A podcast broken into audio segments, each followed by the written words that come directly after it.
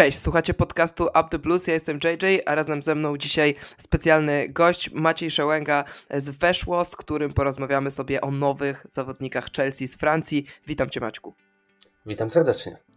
No tak jak zacząłem, dzisiaj porozmawiamy o zawodnikach z Francji, z Ligi Francuskiej, których my jako kibice Chelsea albo nie kojarzymy w ogóle, albo kojarzymy tylko z nazwisk. Dlatego zaprosiłem Ciebie tutaj, jako że, że Ty tę ligę oglądasz i, i kilka miesięcy temu wytłumaczyłaś nam dobrze, czego się spodziewać po Badiashilu i właściwie w 100% dostaliśmy to, o czym mówiłeś, więc stwierdziłem, że spróbujemy zrobić to jeszcze raz, no ale dzisiaj tych nazwisk będzie dużo więcej, bo zawodników z Francji Francji, którzy przybywają do Chelsea jest coraz więcej i, i właściwie wygląda na to, że to się nie kończy. W ogóle dlaczego, dlaczego tak na samym początku zapytałbym cię, myślisz, że Chelsea poszukuje zawodników głównie na tym rynku francuskim, no bo tu już mamy jakiś, jakąś praktykę, że, że, że co okno transferowe to jakiś utalentowany Francuz ląduje na Stamford Bridge. Przede wszystkim bardzo mnie to cieszy i myślę, że to jest właściwa droga dla wszystkich zawodników z Ligi Francuskiej. Natomiast y, ligę powoli godzi się z faktem, że jest tą ligą pośrednią.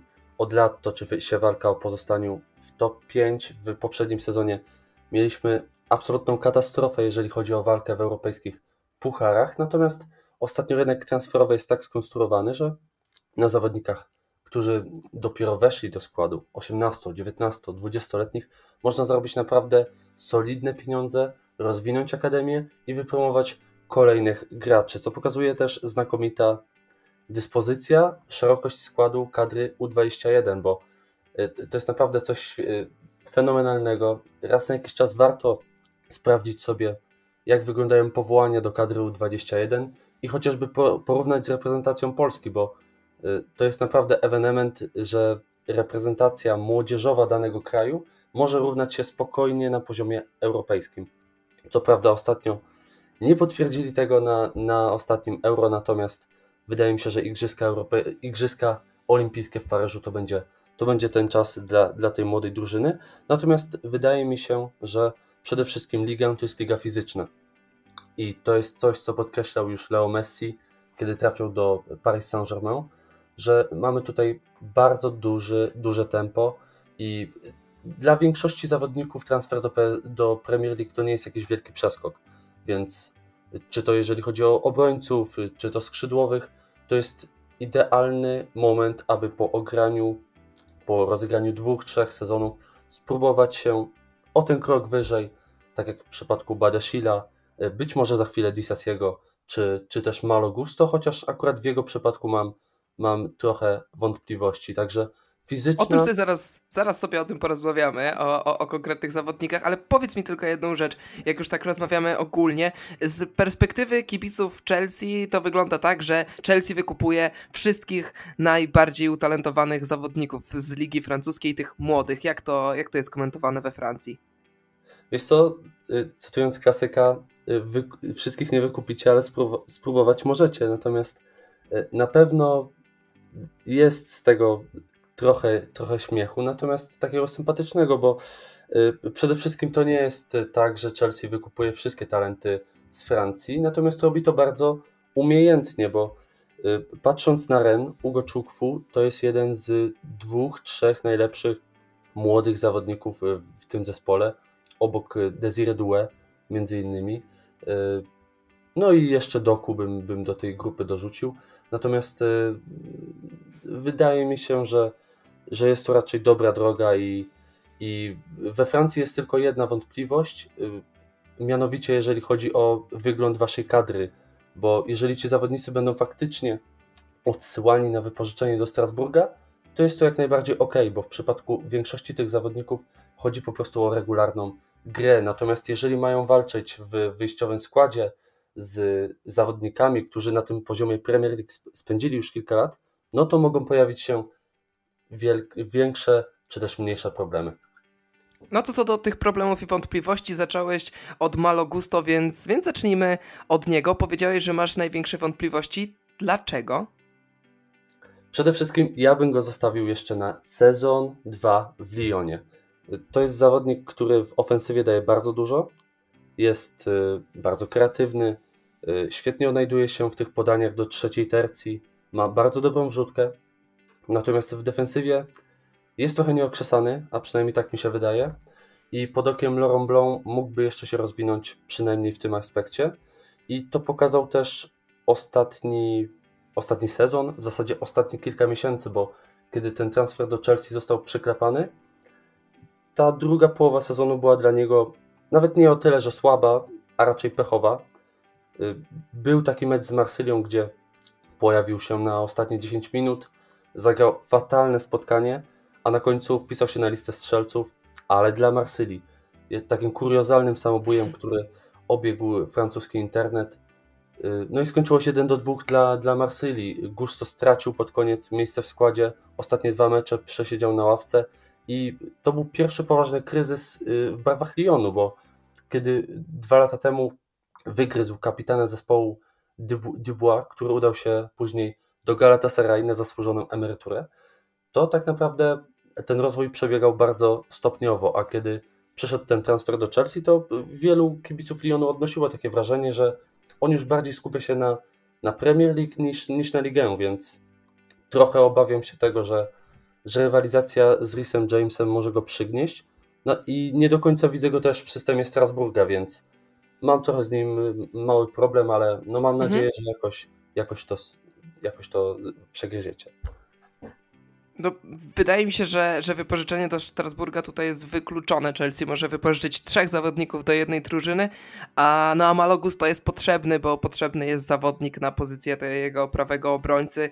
Jak wypadnie Rhys James, bo to już jest raczej e, pytanie kiedy, a nie czy w jego przypadku, bo on w każdym sezonie omija przynajmniej 10 meczów ligowych, więc e, kibice Chelsea oczekują, że Malo Gusto będzie takim solidnym zmiennikiem Risa Jamesa, że od niego też trochę się e, poduczy tego piłkarskiego fachu. Zobaczymy jak to wyjdzie w praktyce. Ma za sobą przyzwoite sparingi, nie idealne, ale na pewno, na pewno dobre, szczególnie kibicom Chelsea zaimponował w meczu z Brighton, kiedy dosyć dobrze radził sobie w rywalizacji sytuacji z Mitomą, ale trochę to, co mówisz, było widać, że w defensywie nie jest aż tak pewny, no ale to jest zawodnik z rocznika 2003, więc, więc gdzieś tam jeszcze bierzemy pod uwagę to, że on cały czas się rozwija, ale no gdzieś rozumiem twoje wątpliwości, mam nadzieję, że zostaną rozwiane w tym sezonie. Lecimy dalej, bo tych zawodników jest więcej i tutaj będę potrzebował twojego, twojej umiejętności mówienia po francusku. Leslie Ugoczukwu po prostu tak mówimy, czy jakoś inaczej?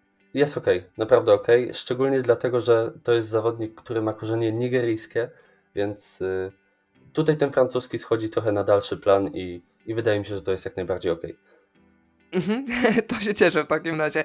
Powiedz mi, e, Ugoczukwu przechodzi do Chelsea, wiemy to już właściwie na 99%, e, potwierdził to Mauricio Pochettino na konferencji prasowej po meczu z Fulham, ale powiedział też, że on właściwie automatycznie pójdzie na wypożyczenie do Strasburga, że właściwie z Chelsea tylko potrenuje przez tydzień, dwa, a potem poleci, właściwie wróci znów do Francji. No więc stąd mam trochę pytanie.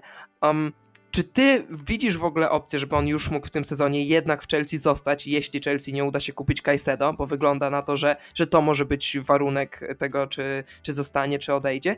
No i też drugie takie pytanie, jaką w ogóle drużyną jest Strasburg? Gdzie tam tych zawodników pchać? Czy to będzie robione sensem, czy to będzie trochę takie Vitesse 2.0, do którego Chelsea będzie zrzucała zawodników i większość z nich nie będzie się tam w ogóle rozwijać? Tak szczerze, to dla mnie to jest idealna opcja. Y, nie wydaje mi się, że aby y, już w pierwszym sezonie w Chelsea się przebił. Natomiast to jest chłopak, który przede wszystkim potrzebuje regularnej gry i ja mi trochę się zaświeciły oczy, kiedy usłyszałem o tym wypożyczeniu, dlatego, bo tak, w Strasburgu spotyka Patryka Wierę, czyli niejako odpowiednika swojego profilu gry i wydaje mi się, że od niego może naprawdę dużo wyciągnąć.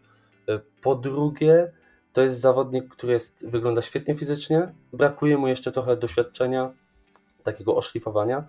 Natomiast znakomita szóstka, którą można też sprofilować pod kątem takiej ósemki w formie box to box. Świetne warunki defensywne, mm, bardzo wysoki procent wygranych główek. I też, co ciekawe u niego jest to, że mm, miał jedną z najlepszych skuteczności w ślizgów. Nie wiem, czy tak można to ująć, ale mm. jest świetny w tym aspekcie.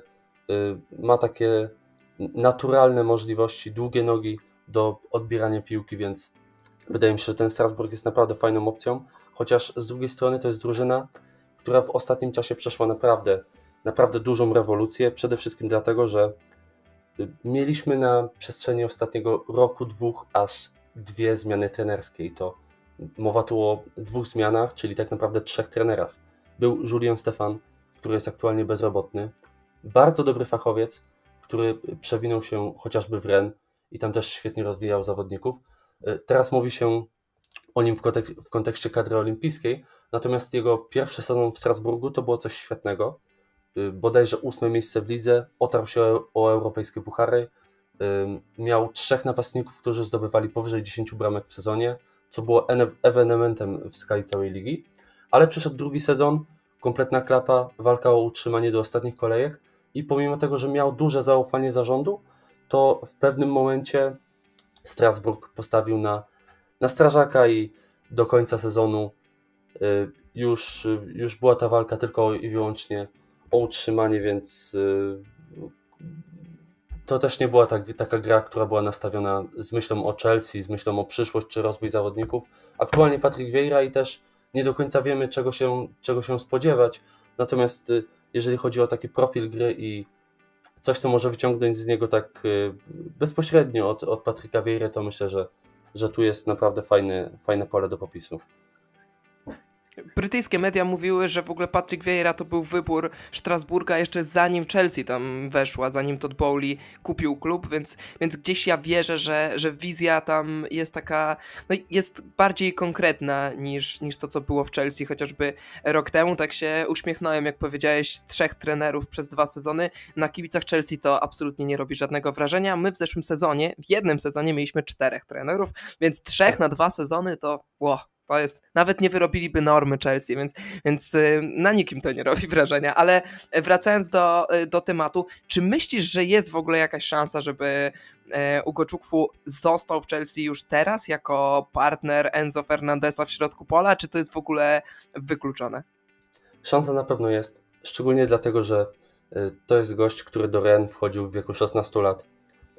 Rozegrał już prawie 40 spotkań w lidze i to w takich odstępach czasowych dosyć ciekawych, bo y, te 40 spotkań rozłożone jest na, aż na 3 sezony, a pamiętajmy, że to jest 18-latek i, i wydaje mi się, że, że spokojnie do rotacji mógłby, mógłby sobie poradzić, natomiast ja bym chciał go zobaczyć jeszcze przynajmniej rok, dwa lata w ligę. Y, być może będę się powtarzał, będę monotematyczny akurat w, w jego przypadku, w przypadku Malogusto, ale taki Disasi to jest dla mnie już, już gotowy towar. Natomiast y, to, co przyznał nawet Pochettino na, na konferencji prasowej, y, to wydaje mi się, że to jest taka optymalna, optymalna jego rola, czyli, czyli oddelegowanie do Strasburga, który, tak jak wspomniałeś wcześniej o, o wydaje mi się, że to jest jednak półka wyżej. Szczególnie, że liga jest, y, będę się upierał jednak dosyć, dosyć silniejsza, mm, a sam zespół, pomimo tego, co się mówi, y, ma narzuconą na siebie presję. To nie jest tak, że że Strasburg to jest taka drużyna, która sobie lewituje spokojnie gdzieś tam w tej lidze francuskiej pomiędzy 15 e, a 10 miejscem, tylko zazwyczaj uwikłana jest w walkę o utrzymanie. Ten sezon pierwszy Stefana to była totalna anomalia, świetna forma Ażorka, e, Habiba Diallo, którego łączy się z Premier League, więc wydaje mi się, że, że może tutaj naprawdę dużo wyciągnąć, bo, bo to jest zespół z potencjałem, ale który zazwyczaj ma narzuconą presję ze względu na walkę o utrzymanie właśnie jak byłem w Strasburgu, to klub ten przypominał mi trochę, trochę Union Berlin. Taki lokalny, ale z ambicjami. Ten Union Berlin współczesny, nie ten sprzed 10 lat.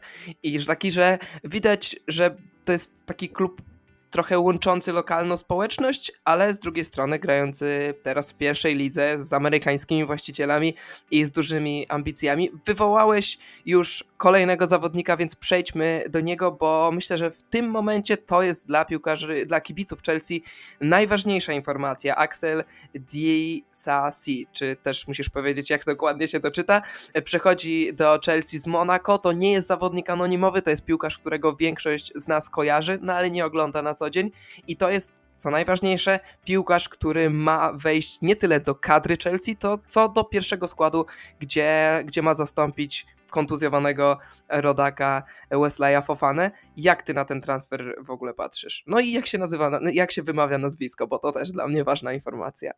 powiem Ci, że ja akurat wymawiam bardzo podobnie Axel Disasi.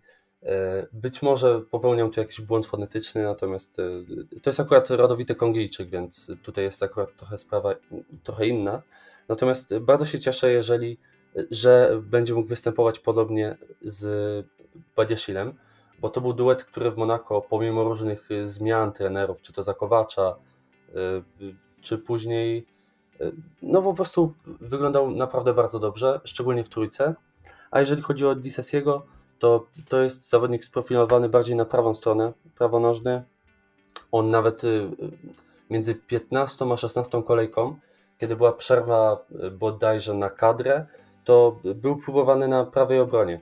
Natomiast ten eksperyment średnio się udał Filipowi Klementowi i y, w sumie wyszło tak, że Marsylia straciła 5 albo 6 goli, a to były spotkania z Auxerre i z Marsylią, więc akurat to wyszło średnio, natomiast w hybrydzie, jeżeli byłoby to odpowiednio sprofilowane pod, pod PSO i ewentualne przesunięcie na prawą obronę, to jakiś sens to, to jeszcze ma. Natomiast to jest zawodnik przede wszystkim bardzo dobry fizycznie, jak to większość graczy w ligę. Y, jednym z, z mankamentów może być tutaj szybkość. I o to mogę się nieco obawiać, bo on motorycznie czasami wygląda jak taki, y, jak taki kloc, natomiast y, stara się te braki. To par... Aha. Ciekawe, ciekawe określenie. No stara się te braki w innych kwestiach nadrabiać trochę, bo przede wszystkim w ostatnich latach poprawił się z piłką przy nodze.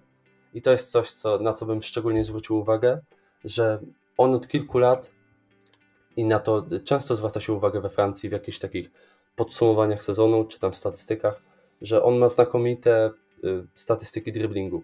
Zazwyczaj to jest powyżej 70%, 90% nawet w ostatnim sezonie.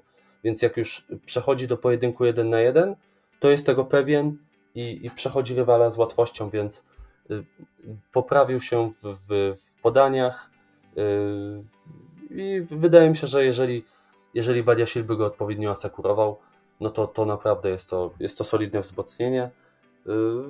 I przede wszystkim też gra ofensywna, bo yy, Monaco w poprzednim sezonie było drużyną, która najlepiej, przynajmniej do pewnego momentu, bo ta końcówka była fatalna i oddanie top 3 tak naprawdę z łatwością Lons i Marsylii to było coś, co się Klementowi zarzuca do dzisiaj nawet pomimo tego, że już go, już go w klubie raczej y, nie wspominają, y, no to, to te, te stałe fragmenty gry to było coś, co, co Monaco wykorzystało przez, y, przez cały pierwszy fragment sezonu. Czy to Badesil, czy to Disasi.